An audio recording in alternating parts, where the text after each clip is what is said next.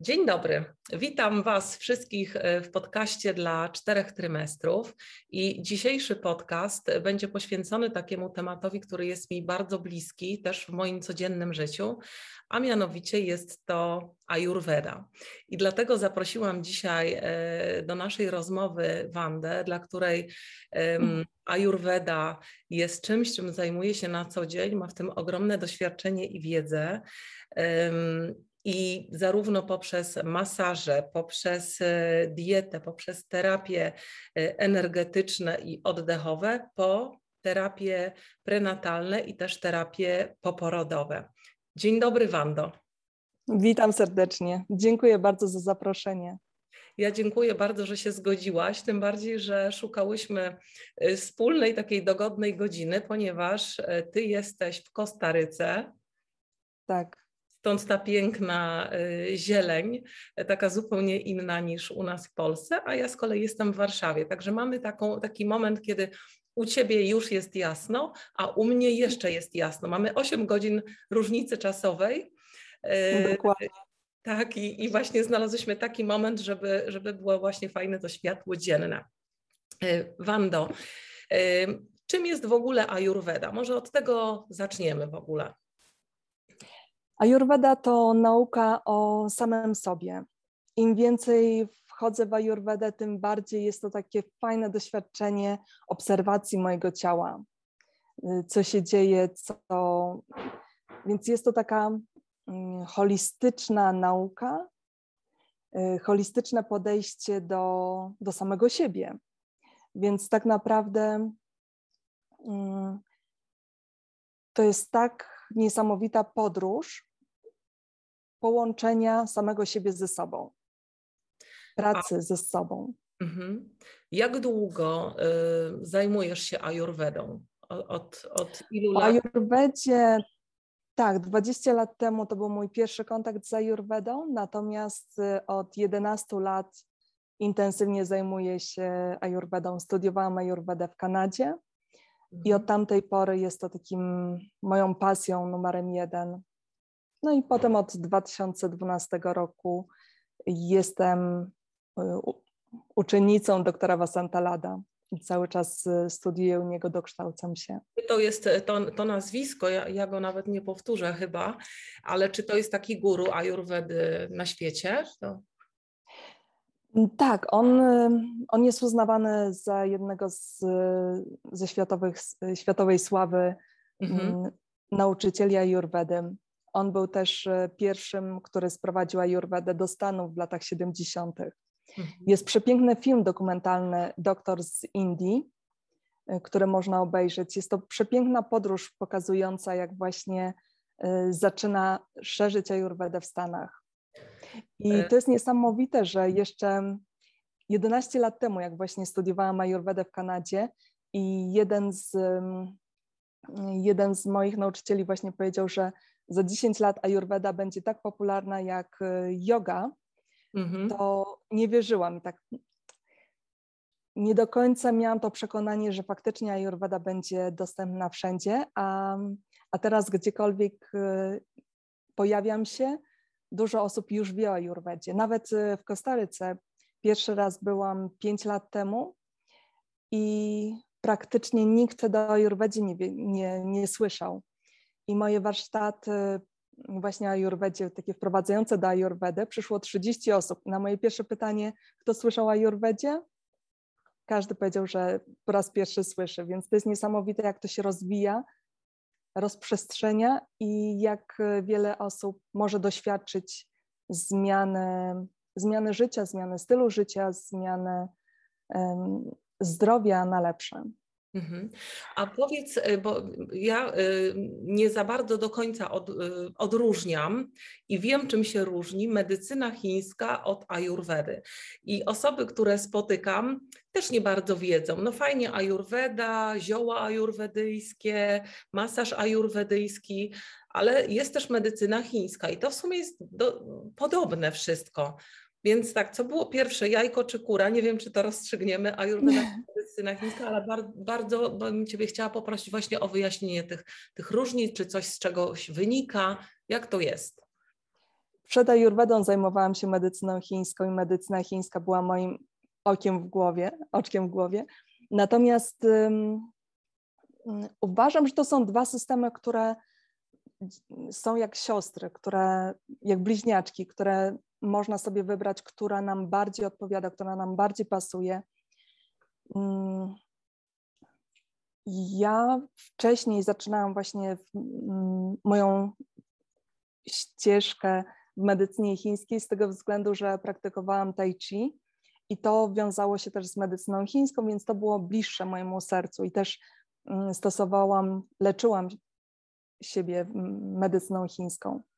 A potem właśnie przyszła Ayurveda i na początku, mm, na początku nie było mi łatwo przeskoczyć. I tak cały czas się pytałam, y, a gdzie jest y, element metalu, a gdzie jest to? Więc y, też moje nauczycielki były bardzo mm, cierpliwe, wyrozumiałe i właśnie powiedziały, dobrze, zaczynamy teraz od początku wszystko, czyścimy kartę i, mm, i odkąd weszłam w Ayurvedę, na początku wydawało mi się, że to jest taki jest dużo duchowości w Ayurvedzie, natomiast im głębiej, im więcej jestem, im więcej z każdym rokiem się uczę, tym jest to bardzo logiczna wiedza.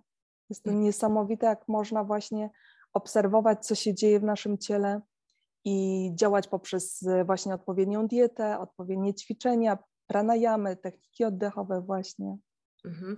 Czyli trochę e, e, Ayurveda jest e, trochę blisko jogi rzeczywiście, no bo pranayama, ćwiczenia tak. jest związane mocno z jogą, natomiast medycyna chińska tam nie ma jogi, tak, nie ma pranayamy, bardziej jest to mm, takie holistyczne podejście w ogóle do leczenia siebie, tak? Tak można powiedzieć?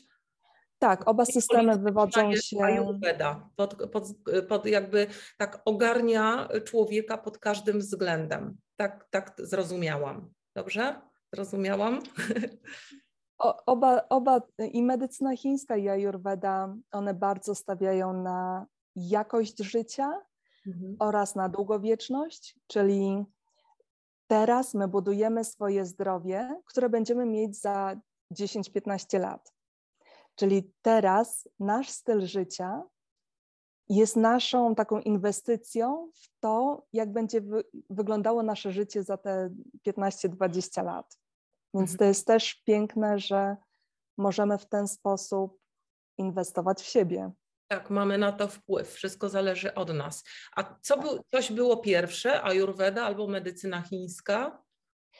Z tego co ja wiem, z tego co ja się uczyłam, to Ayurveda była pierwsza i ta wiedza była mm, takim doświadczeniem poprzez medytację, że e, rishi, tak zwani dzisiejsi naukowcy, otrzymali tą wiedzę właśnie w głębokiej medytacji.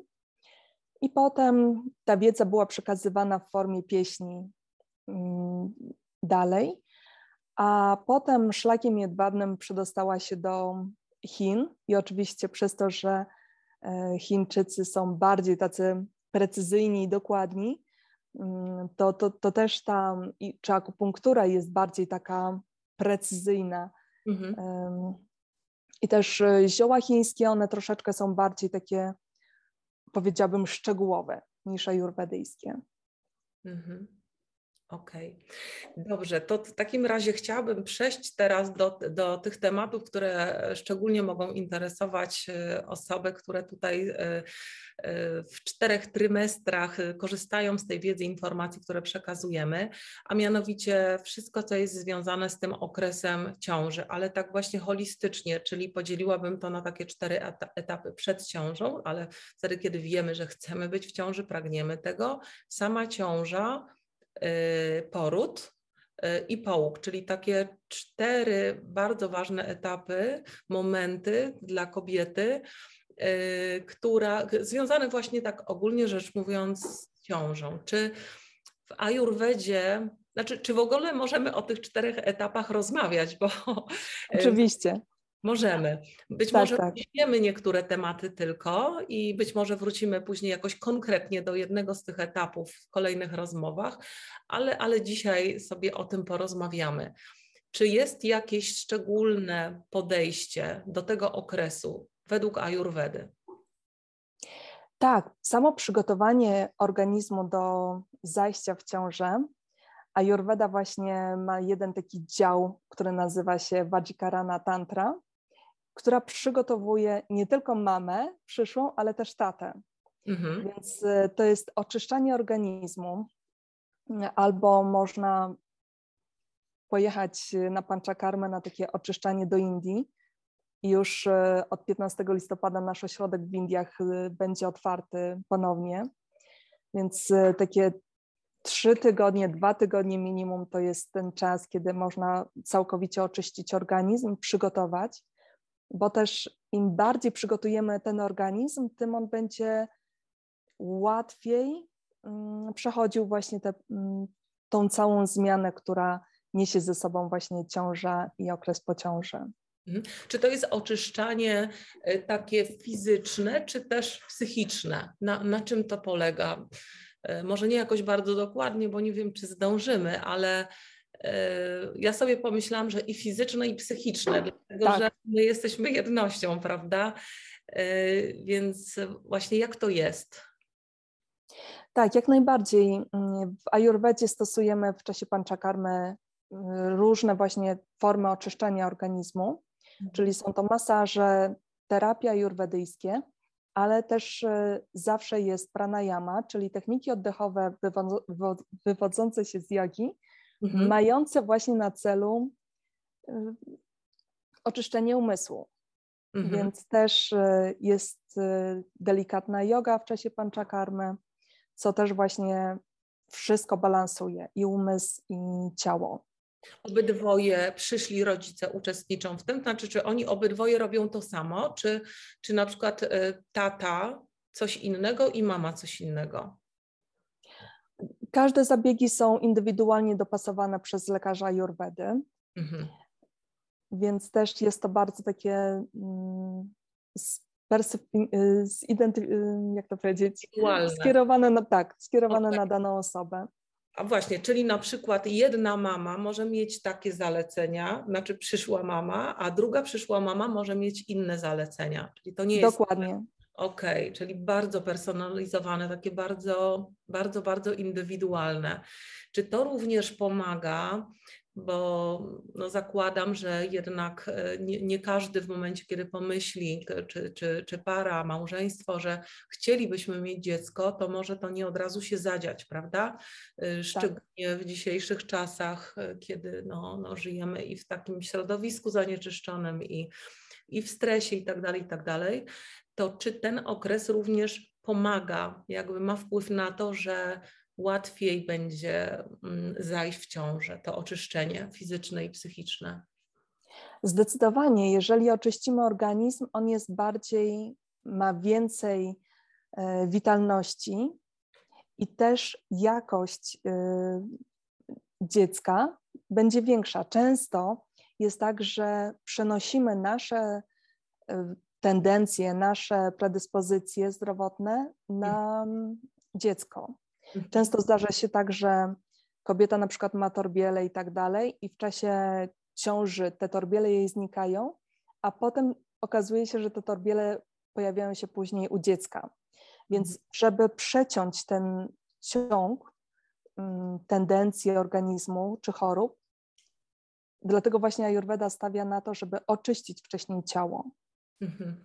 I nie trzeba jechać do Indii. Czasami wystarczy zrobić, y, jak ktoś nie jest w stanie, nie może sobie pozwolić na wyjazd do Indii, to takie oczyszczenie proponuję w domu i wtedy mm, poprzez y, konsultacje ze mną ustalamy taki domowy detoks mhm. i wtedy mm, odpowiednie jedzenie, odpowiednie zabiegi są wykonywane w domu. Mhm. Jak długo to trwa? To znaczy, bo oczywiście jak pojedziemy do Indii na, e, na ten proces, no to dwa, trzy tygodnie, tak? Tak. E, tak. Jesteśmy tam. Mm, natomiast jeżeli robimy to w domu, to też to są dwa, trzy tygodnie, czy, czy nie wiem, powiedzmy, nie, nie pojawia się ta ciąża, to czy przedłużamy to sobie, robimy to, nie wiem, kilka miesięcy, cały rok to też jest bardzo indywidualne, więc wtedy też patrzę, co się dzieje, jakie są bariery, czy to jest bardziej bariera mentalna, czy fizyczna, i wtedy dopasowuje do tego odpowiednie zalecenia. Okej, okay, rozumiem. Dobrze, to jesteśmy przygotowane, przygotowani, yy, cała rodzina. Yy, no i teraz yy, jest ciąża. Czy, czy coś się zmienia? Czy, czy są jakieś inne zalecenia? Jak Ayurveda do tego podchodzi? Może też dzieli ten okres właśnie, bo ciąże są trzy trymestry, więc może tutaj jakiś jest też podział w zależności od trymestru ciąży. Jestem strasznie tego ciekawa. tak, tak, oczywiście. Ten pierwszy okres, pierwsze trzy, y, trzy miesiące, cztery miesiące jest to czas, kiedy bardzo ważne jest, żeby mm, skoncentrować się na sobie, czyli wtedy też nawet nie są wykonywane masaże. Jest to czas, kiedy mm, siejemy ziarno i czekamy, aż ono zacznie rosnąć. I numerem jeden w czasie ciąży jak jeździłam właśnie po Indiach, pytałam się wszystkich lekarzy, co jest takiego najważniejszego w czasie ciąży i zawsze padała ta sama odpowiedź. Jaka? Domyślasz się? Nie, co jest nie. najważniejszego? Jesz jeszcze raz? Co jest najważniejszego? Co jest najważniejszego? Poczekaj, pomyślę sobie. Hmm. Może nie wiem, jakieś wyciszenie, sen. Dokładnie. Tak? E, medytacja. Medytacja. Mhm. Każdy z nich właśnie powiedział medytacja, z tego względu, że poprzez medytację uspokajamy się, uspokajamy nasz umysł. Ja zawsze powtarzam, że tak jak bierzemy prysznic y, dla ciała, to tak samo medytacja działa właśnie na umysł. Mhm. Czyli to jest taki prysznic, oczyszczenie umysłu. Ja się z tym w pełni zgadzam. Wiesz co, kiedyś y, spotkałam taki cytat, wydaje mi się, że to powiedział Dalaj Lama, że gdyby dziecko, ośmioletnie dzieci nauczyć medytacji, czyli od tego momentu zacząć uczyć je medytacji, to wyeliminowalibyśmy w kolejnych pokoleniach zupełnie jakiekolwiek przestępstwa. E, więc no to jest niesamowita jest ta moc medytacji. No i ona również jest ważna właśnie w ciąży, jak się okazuje. Tak, i też e, medytacja, poprzez medytację łączysz się ze swoim ciałem, czyli zwiększa ci się intuicja ciała, wiesz, co chcesz, co potrzebujesz, więc to też bardzo fajnie tak ukierunkowuje kobietę w ciąży, że ona czuje większe połączenie wtedy z dzieckiem. I to jest naprawdę niesamowite, jak obserwuję mamy, które medytują i jak potem y, dzieci rozwijają się u takich kobiet, które medytują. Ale masz na myśli ten rozwój jeszcze e, w łonie mamy, czy już później rozwój po narodzeniu, po przyjściu dziecka? Już później. Mhm.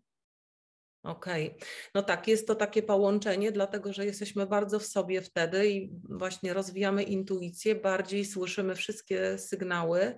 A jaki to ma wpływ na, na, na dziecko, które mamy w brzuchu? Czy, on, czy to też właśnie tak działa uspokajająco? Nie wiem, odstresowująco. Tak, tak, tak, zdecydowanie. I siejemy to ziarenko u tego dziecka, że ono też takim będzie innym człowiekiem po prostu w przyszłości.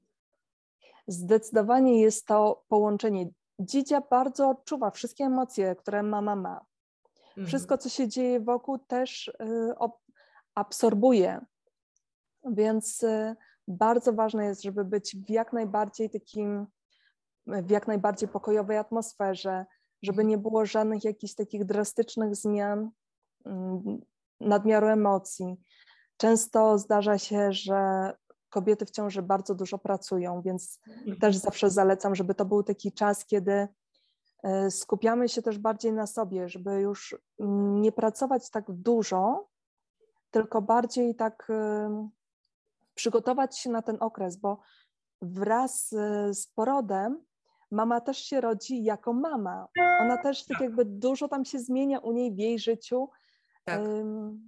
Więc to jest też taki kolejny etap. W ogóle dla niej. nowa rola powsta powstaje tak. tak dotychczas była kobietą, może żoną, przyjaciółką, teraz jeszcze będzie mamą, więc to jest no, ogromna zmiana, tak pożądana oczywiście, ale no, niesamowita. Nie? I często też mamy może myślą bardziej o tym dziecku, prawda, już wtedy, jak jeszcze są w ciąży, niż o sobie, o tej swojej właśnie roli i o tym, żeby już zadbać o siebie. Tak. I ważne też, e, jak jest się w ciąży, żeby nie robić jakichś drastycznych zmian, że nagle przychodzę na taką dietę, nagle przestaję jeść e, coś, co zawsze jadłam. Więc to też powinno być tak bardziej stopniowo niż radykalnie. Rozumiem. Wiesz co, powiedziałeś przed chwilą takie bardzo ważne y, zdanie, że powinna, że kobieta powinna właśnie się przygotować i też odpocząć. I od razu pomyślałam sobie o tym, jakie jest w, Pol w, Polsce podejście do kobiet w ciąży, jak jest y, na zachodzie Europy. Nie, mam nie będę teraz i nie mam też porównania z, nie wiem, ze Stanami, na przykład y, Indiami, czy, czy tymi wszystkimi krajami wschodu, ale w Polsce jest jakby takie normalne, że w tym czasie kobieta może być na zwolnieniu lekarskim. To nikogo nie dziwi, mimo że ciąża jest fizjologią, ale jakby jest to takie normalne. I jakby chodzi o to, żeby wykorzystać właśnie ten czas na to przygotowanie się. Natomiast e, na Zachodzie kobiety bardzo długo pracują. Tam w ogóle Niemcy, Francja, e, tam nie ma czegoś takiego, że kobieta w ciąży to może sobie pozwolić na taką przerwę w pracy. One pracują, obserwuję też w firmie, w której um, pracuję, że, że kobiety są w ciąży i dosłownie one znikają na dwa tygodnie przed porodem dopiero z pracy a pojawiają się maksymalnie trzy miesiące po porodzie, już są w pracy. Y, I tam to jest normalne. Mnie to bardzo dziwi, y, a u nas, mimo że często narzekamy też na naszą służbę zdrowia i tak dalej, to jednak u nas bardziej takie jest patrzenie no, prokobiece, pro, promatka.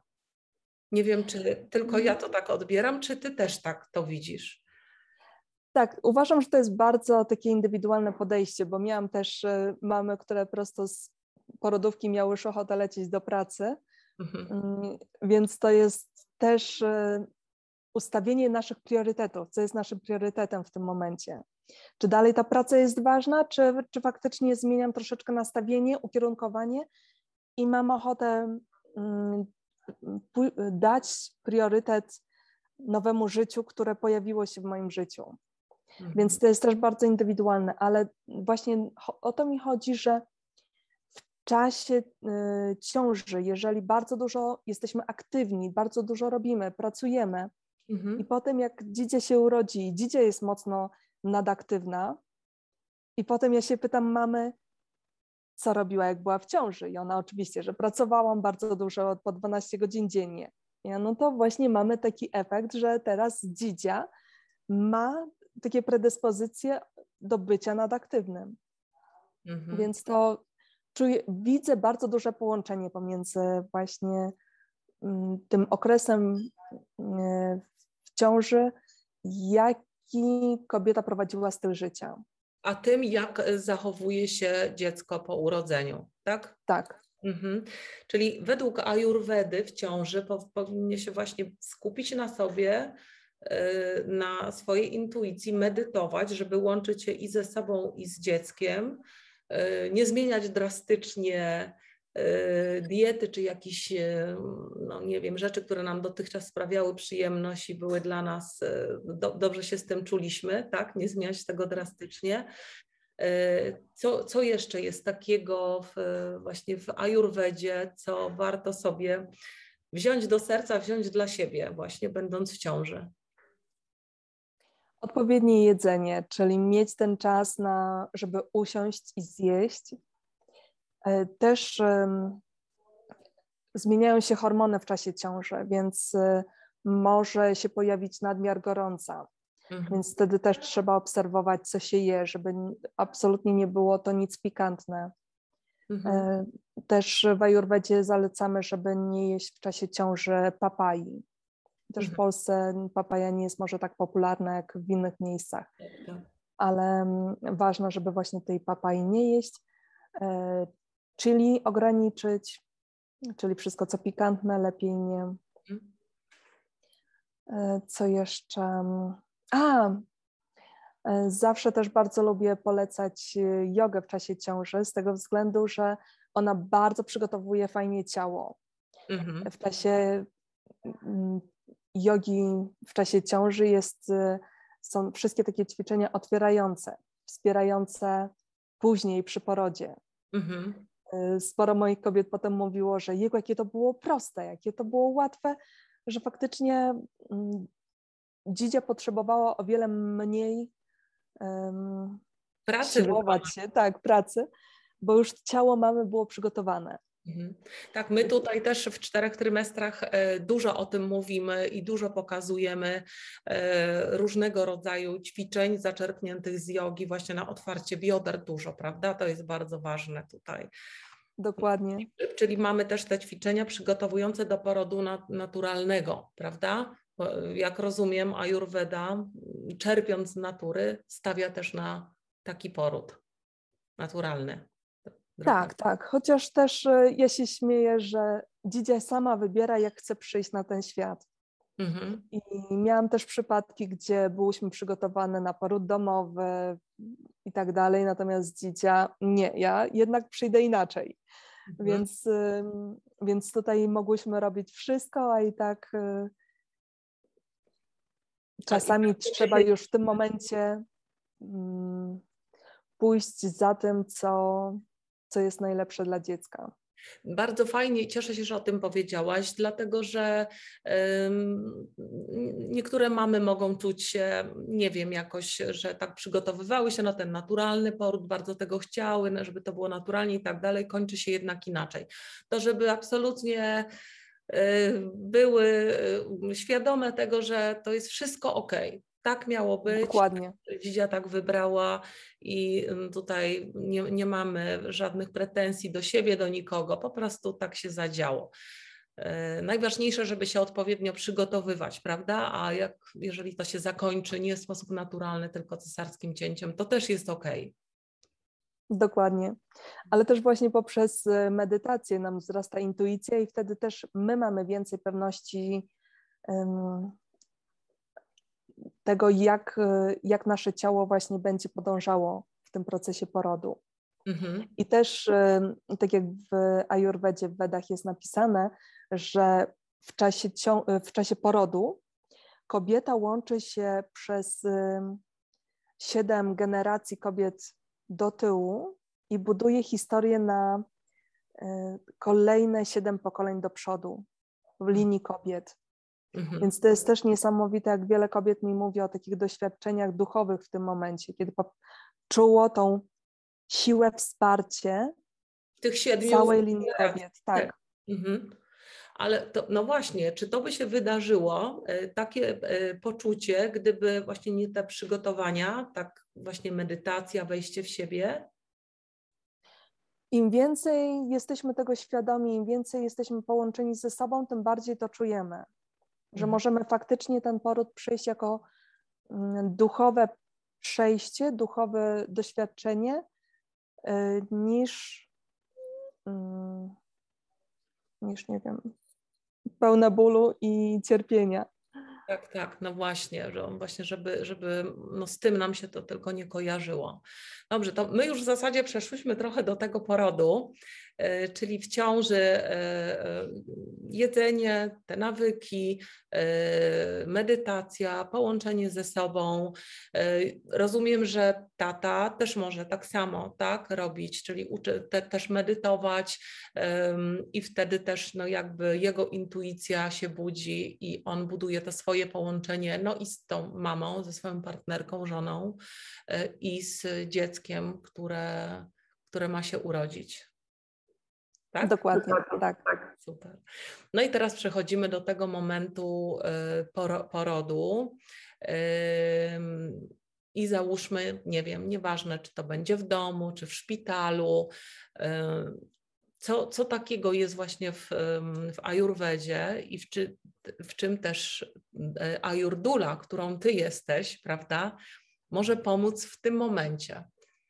W momencie, kiedy już właśnie jest ten moment, kiedy właśnie dziecko mówi, już idę, właśnie zaraz się urodzę. Jest to bardzo taki mocny moment y, przyjścia właśnie, mm, jak to powiedzieć, też w Ajurwedzie właśnie mówimy o pępowinie, że pępowiny powinno się chwilę jeszcze poczekać, zanim przestanie pulsować i wtedy odciąć, nie, nie szybciej. Mhm. Y, ważny jest ten kontakt y, skóra do skóry, czyli ciało do ciała, żeby y, jak najbardziej połączyć jeszcze mm, to połączenie y, dziecka z matką. Mhm. No i potem już. Po, po, po, tym momencie, kiedy dziecko się urodzi, nie przecinać od razu pępowiny, tylko jakby odczekać ten moment y, pulsowania jeszcze, tak? Tak, y, już wtedy też e, wiele z moich nawet osób mówiło, że już wtedy poczuło, że kiedy jest najlepszy moment i, mhm. i wtedy w zależności gdzie i jak albo ojciec y, przecinał, albo, mm, albo dula albo położna. To jest takie silne połączenie, że nawet mama czuje, kiedy jest ten moment, że tak, teraz można odciąć pępowinę. Tak, tak. I też e, potem, właśnie nie wiem, już nie chcę teraz łączyć, bo potem jest właśnie sytuacja z łożyskiem, gdzie właśnie w Kalifornii bardzo dużo kobiet korzysta z tego i w Stanach, e, że potem e, bierze łożysko i traktuję łożysko jako bardzo takie ważne połączenie, jako taką czakrę połączenia z dzieckiem. Mhm. I wtedy właśnie najczęściej kobiety albo sadzą łożysko w, w ogrodzie. I też jest wiele pięknych historii, z, które usłyszałam na temat łożyska, że nagle jabłoń zaczęła niesamowicie kwitnąć, gdzie posadzili właśnie łożysko tuż pod tą jabłonią, która umierała. Jest też bardziej szamańskie podejście do sproszkowania łożyska i mm, potem kapsułkowania i potem mhm. jedzenia kapsułek poprzez y, oczywiście mamę, która urodziła to łożysko. Więc to mhm. też y, mówi się, że to bardzo wspiera mamę. Mm, no ale to też jest bardzo indywidualne podejście. Ja zawsze o tym mówię, że może być to jako opcja do wykorzystania, natomiast um, każda mama indywidualnie czuje, co by chciała zrobić. Mhm. Oczywiście, jak to jest poród w szpitalu, no to, y, to nie ma możliwości wzięcia łożyska. Mhm. Ciekawe dlaczego, prawda? Bo w końcu to jest, e, to jest moje. To, to, w Polsce, natomiast w Stanach, w Stanach jest to bardziej naturalne, szczególnie w niektórych e, miejscach, gdzie mhm.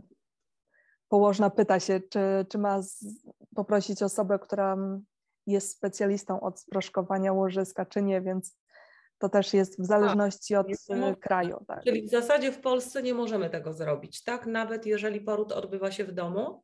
Czy, czy, czy, czy możemy to jest bardzo, bardzo złożone. Albo um, wiem, że y, wiem, że w niektórych szpitalach można było pod kątem właśnie powiedzenia, że w celach religijnych potrzebuje łożysko, ale też była afera przecież w Warszawie, jak ojciec chciał zabrać łożysko i zabrał i potem aż policja była wzywana, więc Mm, to naprawdę bardzo jest indywidualne i w zależności gdzie. Przy porodach domowych to oczywiście jest y, łatwiejsze. Mhm. No tak, tylko jeszcze musimy znaleźć e, no, osobę, która zajmuje się tym, żeby no właśnie sproszkować na przykład to łożysko, tak? Zliofilizować, tak bym nawet powiedziała. Tak. I w Polsce możemy znaleźć taką osobę. Jest um, Wiesz co, ja, ja to robiłam, natomiast y, nie wiem kto teraz, nie wiem, nie mam pojęcia. Okej, okay, rozumiem. Czyli czy, czy ktoś robi. Szukać jakoś sobie indywidualnie, ale no generalnie gdzieś tam jest to możliwe. E, czyli znowu mamy tak to, to połączenie, czyli po, po, to budujemy, po to medytujemy w ciąży, po to tą naszą intuicję rozwijamy, żeby właśnie w tym momencie porodu mm, czuć tak, tak dużo, prawda? Żeby się wy, wyczuli tak. właśnie tą też siebie, no, tą swoją intuicję właśnie na, na, na to, co się dzieje w czasie porodu. I tutaj jakby wszystko to jest ciąg takich naczyń powiązanych. Dokładnie. Mhm. No a potem zaczyna się połóg, czyli wracamy no do domu z dzidzią no, i wtedy zaczyna... To jest taki moment, kiedy yy, ja nie wiem, ale wydaje mi się, że to taki yy, może być taki najtrudniejszy moment w całym tym etapie, dlatego że chcemy być w ciąży, chcemy, chcemy, dobrze, jesteśmy, później boimy się, Boże, jestem teraz w ciąży, boję się, że wszystko będzie w porządku, żeby się urodziło zdrowe dziecko i tak dalej. Dobrze, urodziło się, przeżyłam ten poród. No i teraz e, właśnie, co się dzieje teraz i e, co, co według Ajurwedy kobieta może czy powinna zrobić e, dla siebie przede wszystkim, no ale też oczywiście dla, dla, dla dziecka, które już ma. Ayurveda po porodzie daje tak niesamowite wskazówki i tak e, potrafi fajnie mm, przygotować ten czas mm, poprzez właśnie odpowiednie jedzenie, poprzez e, masaż, automasaż. Więc naprawdę kobiety bardzo szybko wracają do tak świetnej formy.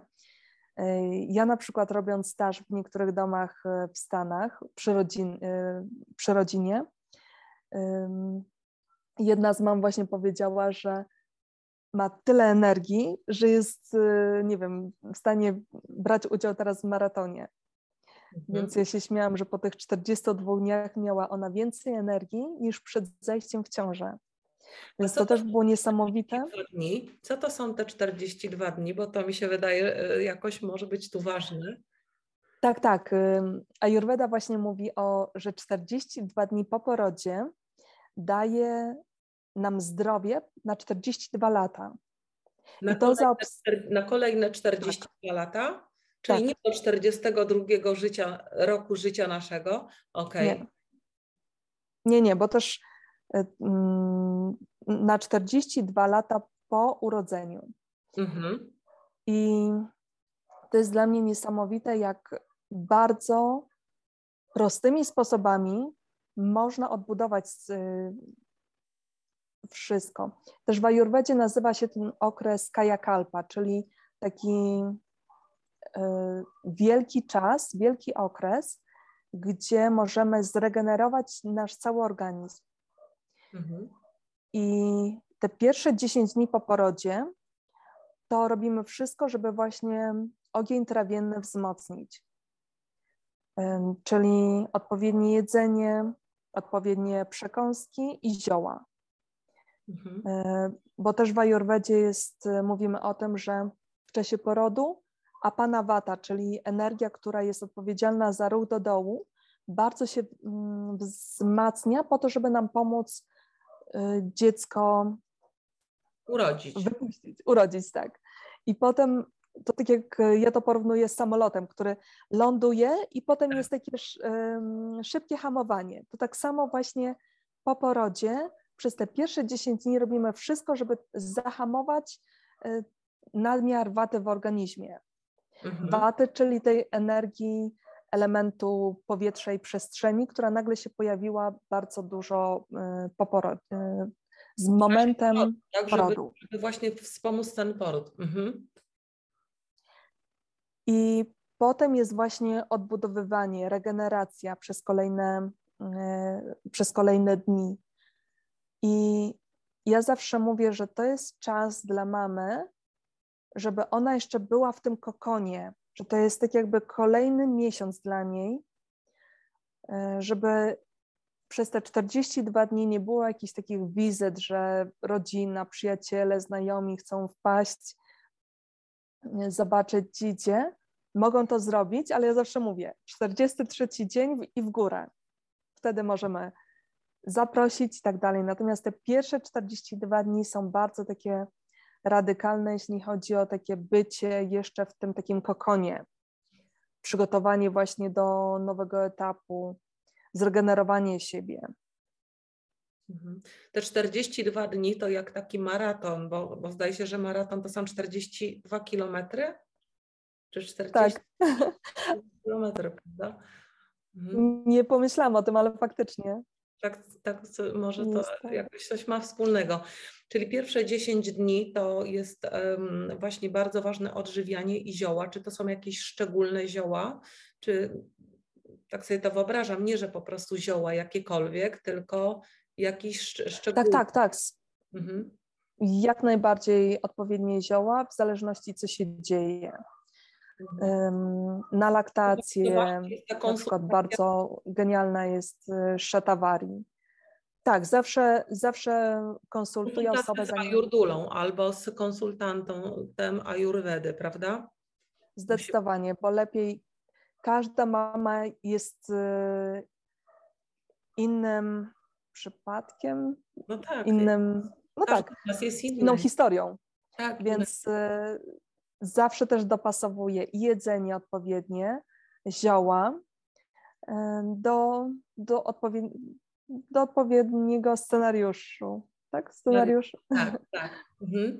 Okay. Więc czy coś jeszcze jest w tych pierwszych 10 dniach? Czy da, dalej może być kontynuowana medytacja? Tak. Może tylko e, dzieckiem już na przykład możemy trzymać dziecko i też sobie medytować? Tak, ja zawsze powtarzam, że po porodzie możemy już nie mieć 20 minut dla siebie na medytację, więc wtedy też zawsze powtarzam, że jak mama karmi dziecię, to jest dla niej ten czas medytacji, czyli mhm. jak w czasie karmienia, żeby, nie wiem, nie oglądać telewizji, um, nie być na telefon. Na telefonie, tak. Tylko kompletnie się skupić, kompletnie się skupić na, na dziecku, na karmieniu. To buduje też mocne połączenie z dzieckiem. I, I też dla mnie jako masażystki bardzo ważny jest też e, automasaż. Mhm. Czyli też e, uczę mamy, jak robić sobie taki automasaż w domu, szczególnie jak nie mamy możliwości zaproszenia osoby, która wykonuje takie masaże po porodzie, no to możemy samemu zrobi- wykonać sobie taki automasaż w domu, w domowych warunkach. I on naprawdę niesamowicie działa. Mhm. Możemy na niego poświęcić około 5 minut dziennie, mhm. a rezultaty, jakie daje, są nie do opisania. Mhm. I to jest zupełnie bezpieczne, zupełnie bezpiecznie można taki automasaż y, wykonywać, będąc w połogu. Tak, jedynie ja bym była ostrożniejsza po y, cesarce, mhm. bo jednak y, poród cesarski jest też określany jako, jako taką operacją, więc też musimy uważać, żeby nie powstały krwawienia. Mhm, rozumiem. Ale tak czy inaczej mamy, no jest krwawienie, ponieważ e, błona śluzowa macicy się, jak to powiedzieć, nie obkurcza, znaczy no macica się obkurcza, a błona śluza się złuszcza po prostu, tak? Więc też mamy krwawienie, ale tu nie ma takiego ryzyka, że nie wiem, ono jakoś będzie wzmożone albo że wywołamy krwotok czy coś takiego. Nie ma. Nie, ma nie ten automasaż jest bardzo delikatny, Głównie chodzi o nałożenie ciepłego oleju na ciało. Aha. Żeby to też e, uspokoić watę, czyli nadmiar tego powietrza w ciele, ale mhm. też dać taką nam otoczkę bezpieczeństwa i jedności ciała. Mhm. Czyli często wiele kobiet właśnie mówi, że e, czuje się jak mozaika po porodzie, że nie czuje połączenia z brzuchem, że mhm. wszystko tak jakby dziennie. Tak? Tak, a taki masaż ciepłym olejem mhm. daje poczucie jedności ciała. Zaraz o, zaraz o tym powiemy więcej, bo myślę, że tak zostawimy e, e, kobiety, czy też, też ich partnerów, mam nadzieję, z taką, z takim właśnie fajną, fajną informacją, którą mogą wykorzystać. Ale chciałam jeszcze wrócić do tych 42 dni, bo mamy te 10 pierwszych dni, potem mamy 10, 10 i 10, jeszcze mamy trzy dziesiątki. Co, co się później dzieje? Czy to jest to samo, co w pierwszych 10 dniach, czy włączamy coś jeszcze innego, nowego? Są trzy etapy, przepraszam. Pierwsze 10 dni to właśnie y, pracujemy nad tym ogniem trawiennym. Mhm. Potem kolejne 10 dni to jest y, odbudowa, czyli budowanie naszego ciała tak jakby od y, nowego, nie wiem, zamku jako nasze ciało, a kolejne 20 dni to już jest taka regeneracja i też e, takie wzmocnienie witalności, gdzie właśnie wtedy już wprowadzamy troszeczkę inne zioła. Mhm. E, jest też wprowadzany dżemik chavan prash, który składa się z 40 ajurwedyjskich ziół, który daje też e, witalność. 40 się pojawia. Ta, ta liczba... A ta liczba chyba tutaj jakoś ważna jest, nie? 40 ajurwedyjskich ziół, 42 dni, okej. Okay. Ciekawe, nie, nie myślałam o tym wcześniej. Mm, I na przykład, co jeszcze? A, no i właśnie te 42 dni daje nam takie poczucie, że yy, czujemy się osadzeni, bo to też jest tak, że Czyli ten nowy etap naszego życia. Tak, łączymy te wszystkie elementy mozaiki, czyli jakby pozwalają nam się te 42 dni dzięki temu podejściu ajurwedyjskiemu tak znowu połączyć w całość. Tak ja to rozumiem. Tak. Też y, niesamowite jest to, że na przykład obserwując rodziny z Indii, y, to jest taka tradycja, że jak kobieta rodzi, to wszystkie kobiety albo mama jej, teściowa, są w domu, żeby jej pomóc. Czyli ona tylko leży, odpoczywa i karmi dziecko, natomiast wszystko przygotowywane jest, posiłki, mhm. przysmaki, zioła, wszystko jest tak jakby podane, mhm. zaopiekowane dla niej. I to samo właśnie jest moim marzeniem, żeby stworzyć w każdym kraju dla każdej kobiety, żeby ona miała taki, taką sieć osób, które pomagają w tym czasie. Mhm. Czyli I... nie takie, które przychodzą zobaczyć dziecko i posiedzieć i jeszcze trzeba im zrobić kawę i ciastem poczęstować. Czyli I siedzą tak, pięć godzin.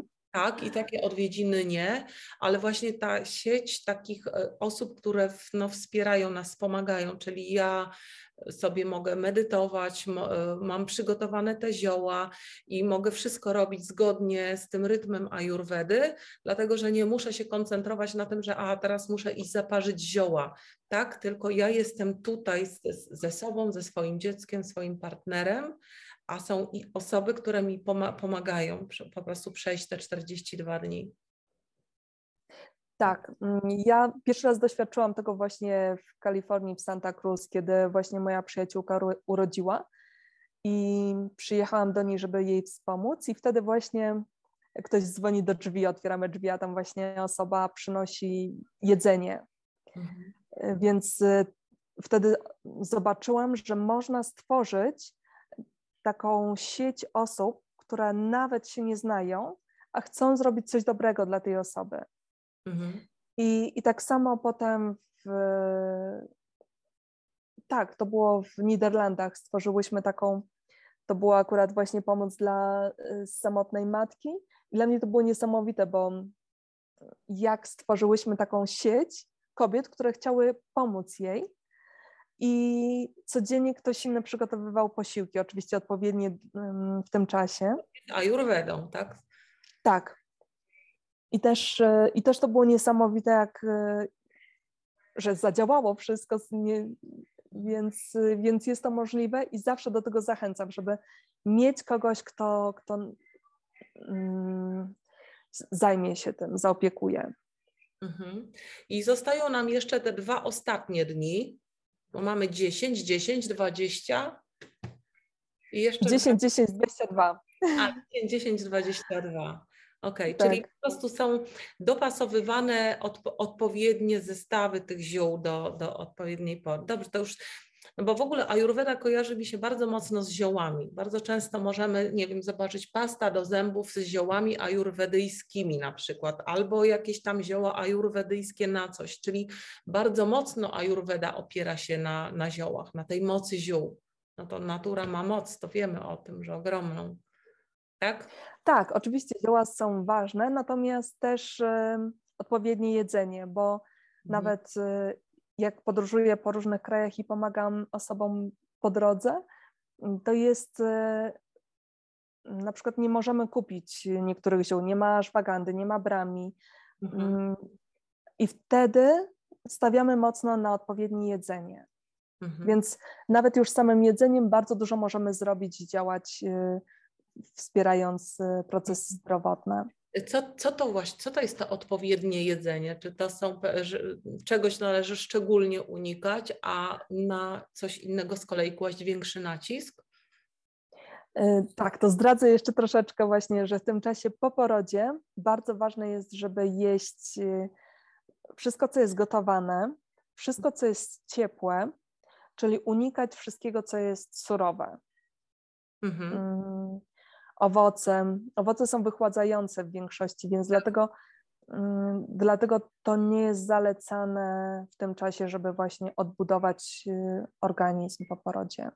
Mhm. A jeżeli, jeżeli te, te narodziny nastąpiły w lipcu, jest upał, 40 stopni, y, to, to też tak robić, czy już jednak troszeczkę wychładzać ten organizm? Często bardzo dużo kobiet, y, nawet w lipcu, mówi, że w tym okresie w połogu, mimo że może być 30 stopni, one czują zimno w środku. Mhm. I to chodzi o to, żeby właśnie to zimno w środku mhm. zniwelować odpowiednią dietą. Okej. Okay. A jakieś są potrawy, których no, owoce to jedno, a, y, a, a co, co jeszcze jest takiego, czego no, raczej, raczej nie jeść w tym czasie? Wszystkiego, co jest ciężkostrawne, czyli też jakieś y, czerwone mięso bym odstawiła na później, tak. Mhm. Czyli wszystko, co jest takie um, ciężkie, um, Lody też lepiej nie. Mhm. No lody też wychładzają, prawda? Bardzo. Tak, tak.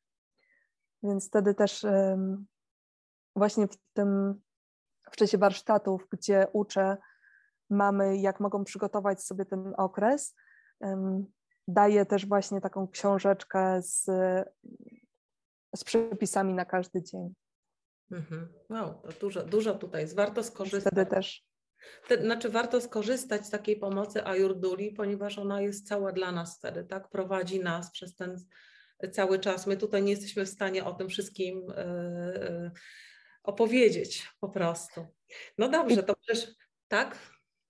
I często to jest właśnie indywidualne, że tak. nie, nie wszyscy mamy to samo, nie, nie wszystkim mogę zrobić taki szablon, proszę, to jest yy, dla ciebie, tylko też nie Czasami tutaj trzeba manewrować. Nie ma tak, że wejdziemy teraz na stronę i zobaczymy, że właśnie tak, tak ma być. Znaczy, oczywiście lepiej być może skorzystać z tego niż w ogóle z niczego, ale jednak każdy z nas jest inny, każda historia jest inna, każda ciąża jest inna i, i, i warto to indywidualizować po prostu to podejście.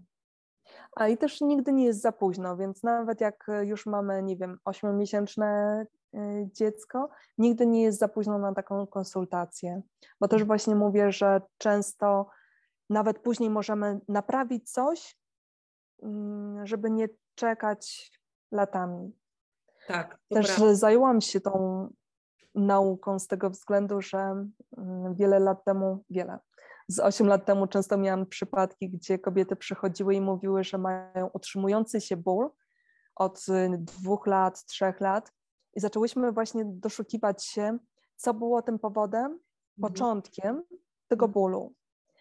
I bardzo często właśnie czas porodu był takim okresem, gdzie ten ból e, powstawał. I mhm. wtedy też tak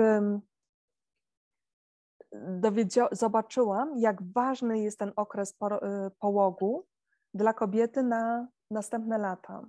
Mhm. No tak, na te 42 lata. No to, tak. jest, to, to jest niesamowite dla mnie, że, e, że jest tyle metod naturalnych, którymi my możemy sobie pomóc i w ogóle tak zmienić swoje życie.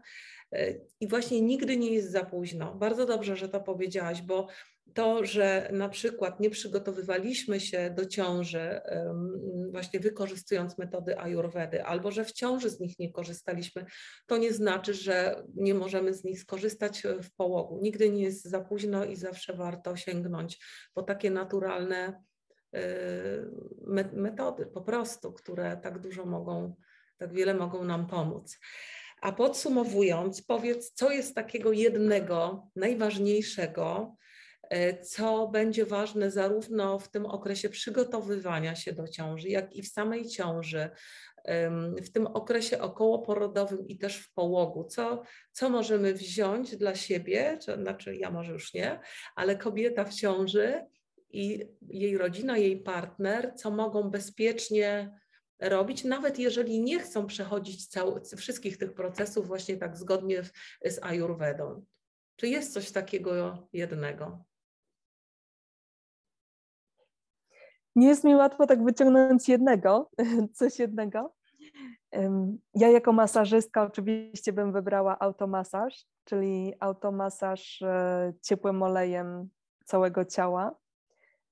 Mm, chyba jeszcze też masło klarowane mi przychodzi do głowy, które jest bardzo często używane i nazywane w ajurwedzie czystym złotem. Mhm.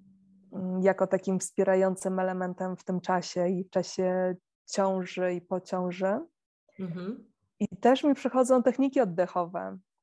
Mm, więc to jest tak, taka kumulacja tych chyba trzech, mm, trzech, trzech elementów. elementów.